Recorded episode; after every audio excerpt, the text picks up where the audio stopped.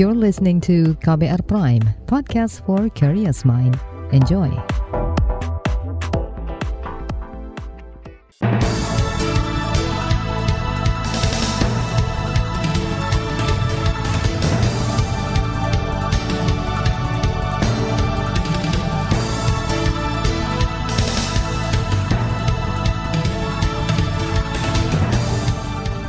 Pagi saudara, senang sekali kami bisa menjumpai Anda kembali melalui program Buletin Pagi. Edisi Kamis 7 Juli 2022 bersama saya Roni Sitanggang. Sejumlah informasi pilihan telah kami siapkan, di antaranya DPR pemerintah didesak hapus pasal RUU KUHP yang ancam iklim demokrasi. Pemerintah luncurkan minyak kita seharga Rp14.000. PPATK blokir puluhan rekening Yayasan Aksi Cepat Tanggap ACT.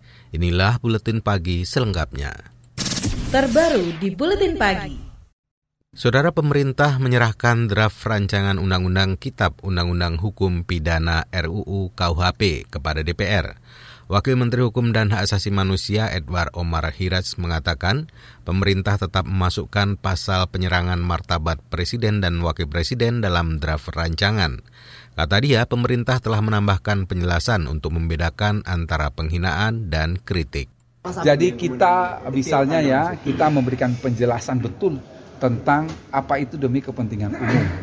Supaya tidak ada lagi tafsir. Yang kedua kita memberikan penjelasan betul mengenai kritik. Kritik itu apa? Tentunya kita mengambil dari Kamus Besar Bahasa Indonesia sehingga orang bisa membedakan, oh ini kritik, ini menghina. Itu kita memberikan penjelasannya panjang lebar itu. Wamenkumham Edward Omar Siraj di DPR kemarin mengatakan penyerangan martabat presiden dibolehkan jika dalam konteks menyampaikan kritik atau pendapat berbeda. Kritik harus bersifat konstruktif, mengandung ketidaksetujuan terhadap kebijakan atau membuka kesalahan dan kekurangan presiden.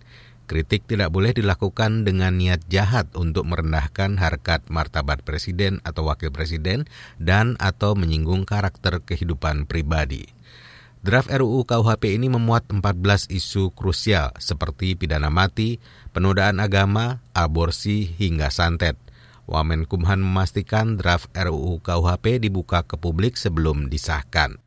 Fraksi Partai Keadilan Sejahtera PKS menolak pemidanaan penghinaan terhadap kekuasaan umum dan lembaga negara. Anggota fraksi PKS DPR Mardani Alisera menilai pasal RUU KUHP ini rawan mengkriminalisasi masyarakat yang mengkritik presiden dan pejabat negara lainnya. Biarkan rakyat menyelesaikan urusannya sendiri, jangan terlalu banyak karena undang-undang ITE saja yang tidak jelas sanksinya bisa ditarik ke kiri ke kanan kan akan banyak konflik apalagi ini yang jelas artinya kan definisi penghinaan definisi spesifik dan tegas jelas susah gitu. Walaupun benar keluar dari adab ketimuran misal, tetapi bisa diselesaikan dengan tadi sanksi sosial. Anggota fraksi PKS DPR Mardani Alisera menambahkan, penghinaan terhadap pengadilan juga tak bisa dijadikan dasar untuk memidanakan seseorang.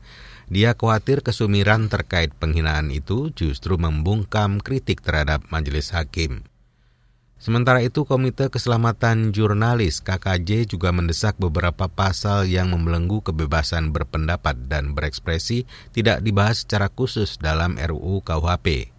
Ketua Bidang Advokasi Aliansi Jurnalis Independen AJI Indonesia Erik Tanjung menyebut pasal-pasal tersebut berpotensi mengancam iklim demokrasi.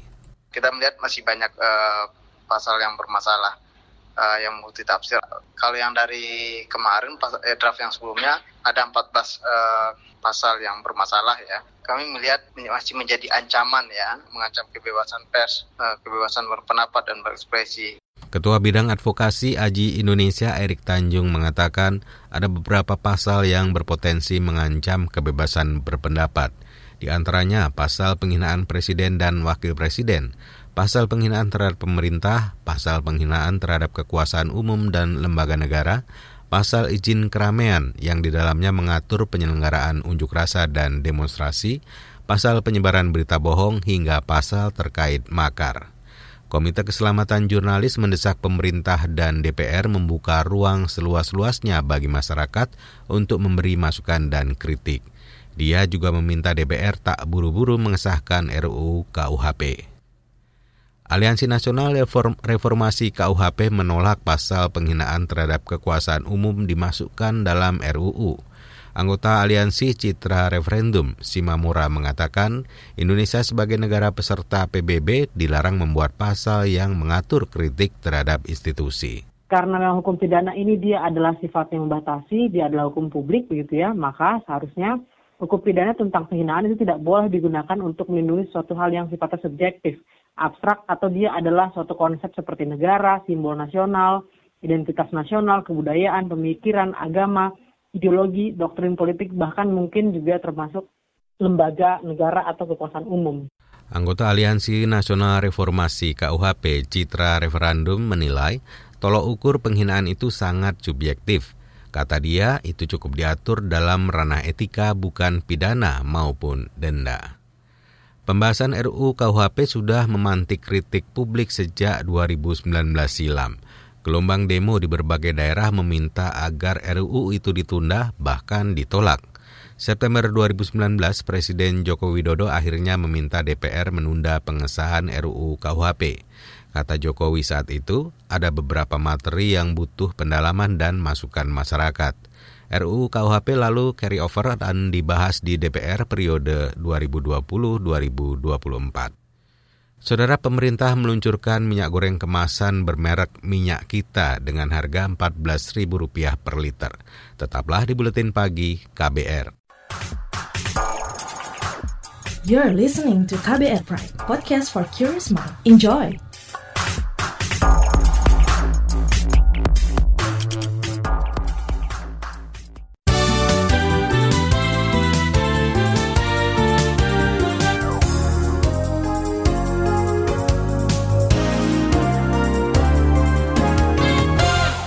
Saudara, pemerintah meluncurkan minyak goreng kemasan dengan merek minyak kita. Menteri Perdagangan Zulkifli Hasan menjamin minyak merek ini bisa dibeli masyarakat dengan harga Rp14.000 per liter di seluruh Indonesia. Kita mulai meluncurkan minyak kita sehingga nanti masyarakat bisa lebih mudah, terlayani lebih baik, dan minyak kita ini juga bisa sampai ke tempat-tempat yang jauh, Papua, Maluku, dan sebagian Sulawesi. Menteri Perdagangan Zulkifli Hasan menjelaskan minyak kita sudah terdaftar dan memiliki izin edar. Dia mengklaim minyak merek keluaran Kemendak ini bisa masuk ke semua pasar, mulai supermarket hingga pasar tradisional. Kata dia, para produsen bisa memasarkan minyak kita dengan leluasa. Dia menjamin stok minyak goreng ini tersedia. Masih soal ekonomi, Pemerintah menegaskan pembelian BBM bersubsidi melalui aplikasi My Pertamina belum diimplementasikan. Direktur Utama PT Pertamina Nike Widiawati mengatakan, Pertamina baru melayani pendaftaran kendaraan melalui aplikasi My Pertamina. Sebetulnya tahap uh, di Juli ini tahap pendaftaran saja agar pemilik si kendaraan ini mempunyai QR code sehingga nanti ketika tahap implementasi QR code inilah yang digunakan sebagai dasar. Nah, dengan adanya sistem yang terdigitalisasi akan lebih mudah, Ibu. Apalagi nanti sudah ada uh, ketentuan uh, kendaraan jenis apa saja yang mendapatkan. Nah, nanti ketika kriterianya ini sudah ada, sudah keluar Perpresnya, maka akan kita masukkan ke dalam sistem digitalisasi. Direktur Utama PT Pertamina Nike Widiawati saat rapat dengar pendapat dengan Komisi 6 DPR kemarin mengatakan pembatasan akan dilakukan setelah diterbitkan peraturan Presiden Perpres soal kriteria baru kendaraan penerima BBM subsidi. Saat ini aturan tersebut tengah diharmonisasikan oleh Pertamina dan kementerian terkait. Nika menjelaskan pendaftaran nomor polisi kendaraan bisa dilakukan melalui aplikasi My Pertamina di situs Pertamina ataupun langsung di SPBU-SPBU terdekat. Kita ke informasi kesehatan. Asosiasi Rumah Sakit Indonesia ARSSI menyatakan belum siap menerapkan kelas rawat inap standar atau KRIS. Kelas itu kini tengah diuji cobakan oleh BPJS Kesehatan di lima rumah sakit pemerintah. Sekjen ARRSI Iksan Hanafi mengatakan belum memiliki persiapan matang, sehingga kebijakan itu sulit diterapkan oleh rumah sakit anggotanya. Bisa eh, persiapan apa pun kelihatannya belum belum siap lah gitu ya. Karena bagi kami tentunya tidak mudah untuk mempersiapkan kris ini dengan fasilitas yang ada sekarang ini. Tentunya ini membutuhkan dana yang cukup besar juga bagi rumah sakit e, swasta untuk mempersiapkan kelas standar. Sekjen Asosiasi Rumah Sakit Swasta Indonesia Iksan Hanafi menambahkan, kelas standar masih berat diterapkan lantaran regulasinya juga belum jelas. Dia berharap pemerintah memperbaiki sistem klaim terlebih dahulu sehingga rumah sakit bisa meningkatkan pelayanan pasien. Beralih ke informasi politik, LSM Perkumpulan untuk Pemilu dan Demokrasi Perludem mendorong pemerintah mereformasi undang-undang partai politik dan membentuk badan pengawas keuangannya. Menurut Dewan Pembina Perludem Titi Anggraini, Undang-Undang Parpol saat ini sudah tidak sesuai dengan upaya penguatan akuntabilitas keuangan partai politik. Pengalaman selama ini Presiden menjadi faktor yang menentukan dan berpengaruh dalam menentukan arah legislasi. Saatnya Presiden ambil peran dalam mewujudkan citanya sejak 2013, yaitu mengkonkretkan reformasi kepartaian di Indonesia melalui tadi satu, revisi undang-undang partai politik. Yang kedua, memberikan pen, apa, penegasan terhadap institusi yang berwenang mengawasi keuangan partai politik. Dewan Pembina Perludem Titi Anggraini menyebut ada kelemahan-kelemahan pengaturan yang membuat undang-undang partai politik tidak maksimal untuk pengelolaan keuangan. Dia berharap revisi undang-undang bisa mengatur soal keterbukaan pendanaan partai, akuntabilitas, pengawasan, serta penegakan hukum. Pusat Pelaporan dan Analisis Transaksi Keuangan (PPATK) memblokir sementara puluhan rekening milik Lembaga Pengumpul Dana Yayasan Aksi Cepat Tanggap ACT. Kepala PPATK Evan Yustiavandana mengatakan pemblokiran dilakukan untuk keperluan analisis dan pemeriksaan. ACT sebelumnya terseret dugaan penyelewengan dana. PPATK menghentikan sementara transaksi atas 60 CIF atas 60 uh, eh, rekening uh, atas nama entitas uh, yayasan tadi di 33 penyedia jasa keuangan. Jadi ada di 33 penyedia jasa keuangan uh, sudah kami hentikan. Kepala PPATK Ivan Yosia Vandana mengatakan institusinya menemukan indikasi penyaluran dana mencurigakan yang mengarah pada kepentingan bisnis. Kata dia, ada transaksi yang disalurkan kepada perusahaan yang terafiliasi dengan pengurus ACT. Dia juga menyebut perputaran uang di ACT dalam setahun bisa mencapai 1 triliun rupiah. Dia mengimbau masyarakat cermat dalam memilih lembaga penyalur donasi. Kita ke informasi mancanegara. Empat menteri di Inggris memutuskan mengundurkan diri, yakni Menteri Keuangan, Menteri Kesehatan, Menteri Urusan Anak dan Keluarga, serta Menteri Muda Transportasi. Mundurnya keempat menteri dalam waktu yang hampir bersamaan itu makin menyudutkan posisi Perdana Menteri Inggris Boris Johnson. Sebab keempat menteri mundur karena menilai Johnson tak lagi pantas memimpin Inggris usai berbagai skandal yang menyeret dirinya. Beberapa skandal yang menyangkut Johnson di antaranya pelanggaran terhadap aturan karantina wilayah 2020 dan 2021 lalu. Kemudian skandal terbaru, yakni dirinya menunjuk tertuduh pengaduan pelecehan seksual polisi sebagai anggota parlemen di pemerintahan. Beralih ke informasi olahraga, Tunggal putra Indonesia Jonathan Christie terjungkal di babak 32 besar badminton Malaysia Master 2022. Jojo takluk dari tunggal Taiwan Wang Sui. Tunggal putra lain, Tommy Suharto, juga tak mampu melaju ke babak 16 besar. Indonesia meloloskan 12 wakilnya ke babak kedua yang akan berlangsung hari ini. Di antaranya ganda putra Aksan Hendra, ganda putri Apriani Siti Fadia, tunggal Gregoria Mariska hingga ganda campuran Rinov Pita.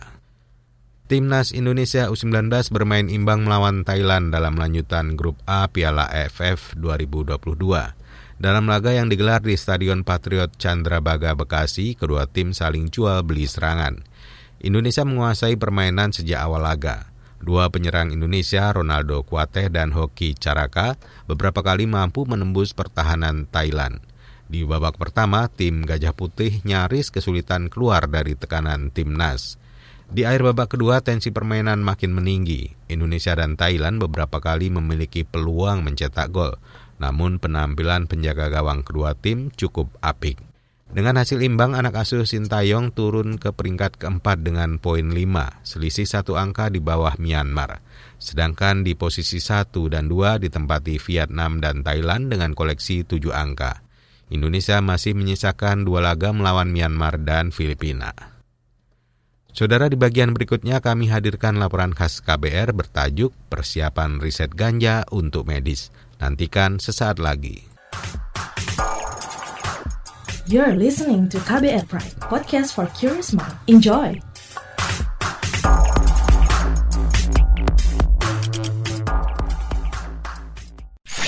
Commercial break. Commercial break.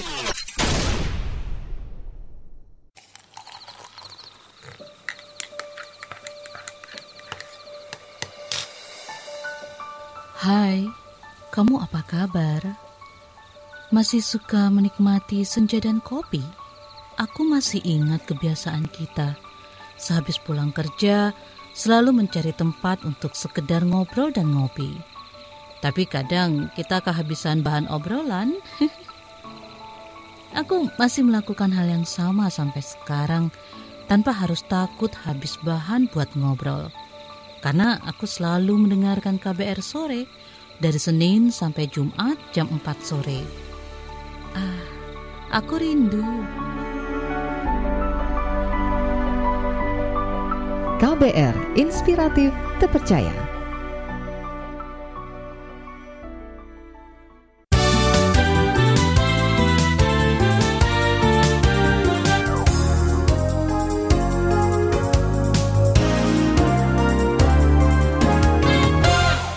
Terima kasih Anda masih bersama Roni Sitanggang di Buletin Pagi KBR. Saudara, selama bertahun-tahun sejumlah pihak mengusulkan agar ganja dilegalkan untuk kebutuhan medis. Aspirasi itu kini mulai didengar DPR dan pemerintah. Mereka membuka kemungkinan ganja dikeluarkan dari daftar narkotika golongan satu yang terlarang. Berikut laporan khas KBR disusun jurnalis Siti Sadida. Seorang ibu bernama Santi Warastuti asal Sleman, Yogyakarta melakukan aksi damai sendirian di Jakarta. Ia mengajukan permohonan agar pemerintah melegalkan penggunaan ganja untuk pengobatan anaknya yang menderita cerebral palsy atau gangguan yang mempengaruhi kemampuan koordinasi tubuh seseorang. Sudah tujuh tahun, ini konsumsi obat medis. Jadi bukannya saya diem aja nggak kasih apa-apa terus ujung-ujung minta ganja bukan. Gitu. Jadi udah memang usaha ke medis, banyak obat yang saya kasihkan ke Pika. Kemudian ada secerca harapan gitu kan, gimana coba saya usahakan gitu loh. Kalau misalnya saya sembunyi-sembunyi pakai, nanti nasib saya kayak Fidelis, anak saya piye. Saya jadi maunya memperjuangkan tetap di jalur yang benar gitu. Dan saya tuh memperjuangkan bukan buat anak saya aja. Banyak anak-anak yang kejang itu udah kebal obat ada loh. Sakit loh ngeliat anak Beberapa waktu lalu seorang warga Sanggau, Kalimantan Barat, Fidelis Ari Sudewarto, harus rela dipenjara karena menggunakan ganja untuk mengobati istrinya. Karena pengobatan dengan ganja terhenti, istri Fidelis meninggal. Suara-suara yang dahulu dianggap sepi kini mulai didengar DPR. Komisi Hukum DPR pada 28 Juni lalu mengundang Santi untuk diskusi. DPR juga mengundang ahli untuk memberi masukan ke DPR. Wakil Ketua Komisi Hukum DPR Desmond Junaidi Mahesa mengatakan penjelasan ahli soal manfaat ganja bisa menjadi pertimbangan aturan pelarangan ganja dikeluarkan dari Undang-Undang Narkotika. Tujuannya merubah untuk kebaikan, malah nanti mudaratnya muncul yang nggak bagus. Nah, di sinilah kehati-hatian kami anggota DPR dalam rangka merumuskan Undang-Undang Narkotika, termasuk mengeluarkan ya larangan ganja di dalam peraturan yang ada.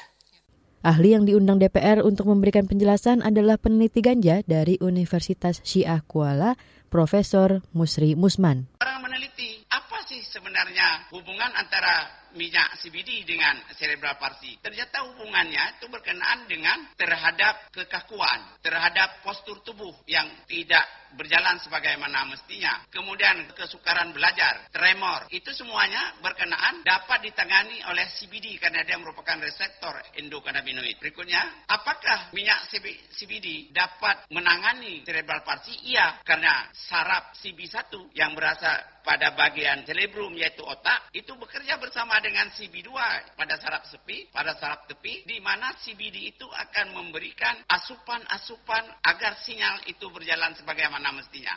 Musri Musman yang juga pendiri Yayasan Sativa Nusantara mengatakan minyak ganja dengan dosis 300 hingga 600 mg tak berbahaya atau meninggalkan dampak kecanduan pada penderita selebral palsi. Saat ini penggunaan ganja untuk manfaat apa pun dilarang dalam Undang-Undang Nomor 35 Tahun 2009 tentang narkotika. Santi bersama tiga ibu lain dengan anak penderita cerebral palsi dan beberapa LSM seperti Perkumpulan Rumah Cemara dan ACGR mengajukan uji materi larangan penggunaan ganja untuk kesehatan di Undang-Undang Narkotika tersebut. Sementara itu, pemerintah tidak menutup pintu terhadap aspirasi tersebut. Juru bicara Kementerian Hukum dan HAM, Tubagus Eri Faturahman mengatakan pemerintah akan melakukan kajian ganja secara mendalam dari berbagai aspek, serta mekanisme penggunaan yang jelas agar tidak disalahgunakan. Harus dilakukan banyak kajian dari berbagai sisi, bukan hanya dari medis, tapi dari aspek-aspek sosial, aspek keamanan, dan lain sebagainya. Nah, kalaupun nanti kemudian dipertimbangkan dari berbagai sisi, eh, ganja itu bisa di eh, digunakan dan dilegalkan oleh medis, baru kemudian pemerintah bisa uh, melegalkan itu. Selanjutnya, Menteri Kesehatan Budi Gunadi Sadikin juga akan segera mengeluarkan regulasi terkait kajian dan riset ganja untuk medis agar kajian terkait ganja bisa terukur, bermanfaat, dan tidak berdampak negatif bagi masyarakat. Sebentar lagi nanti akan keluar aturannya bahwa mereka akan dimanfaatkan untuk riset. Nanti hasil risetnya kita bisa lihat manfaatnya seperti apa. Kalau research kan ada datanya kan, ada faktanya kan, ada basisnya kan, nggak hanya kita debat kusir, kita suka atau nggak suka, kayak tadi kan ini buat kepentingan saya, kepentingan kamu gitu kan, enggak. Kalau research kan ada data yang jelas untuk kita bisa berargumentasi secara ilmiah. Demikian laporan khas KBR, saya Siti Sadida. Saudara informasi dari berbagai daerah akan kami hadirkan usai jeda berikut ini. You're listening to KBR Pride, podcast for curious mind. Enjoy!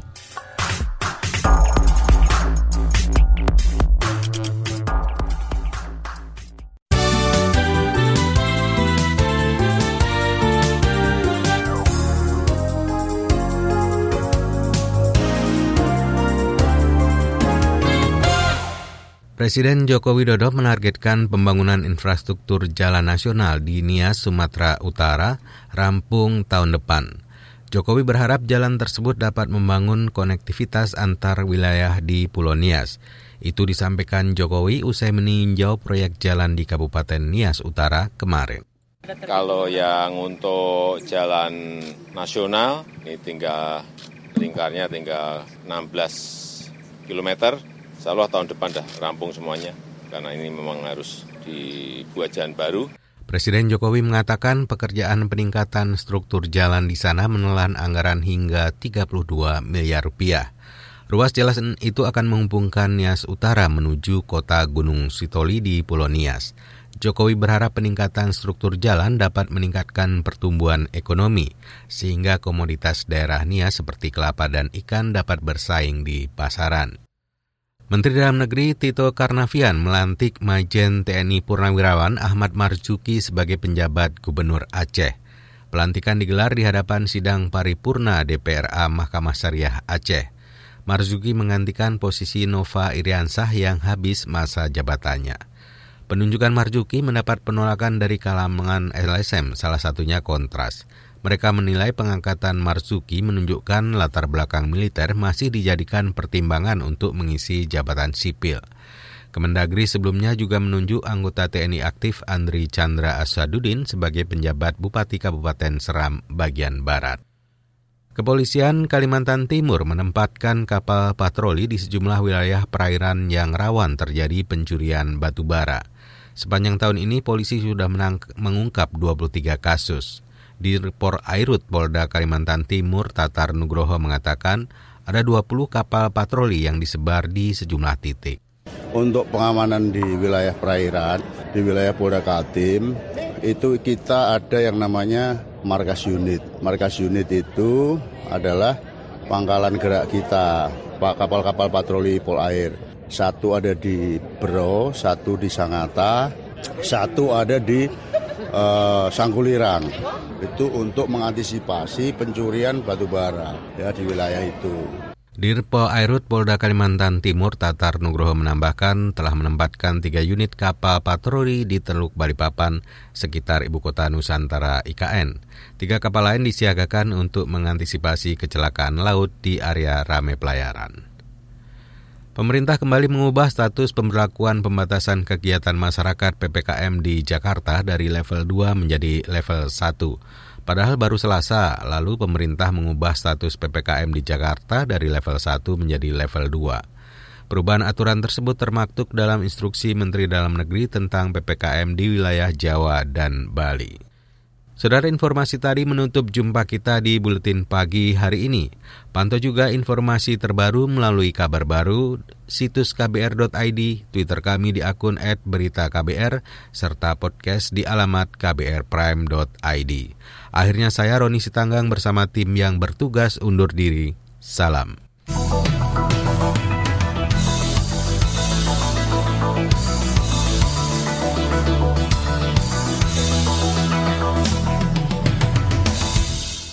KBR Prime, cara asik mendengar berita.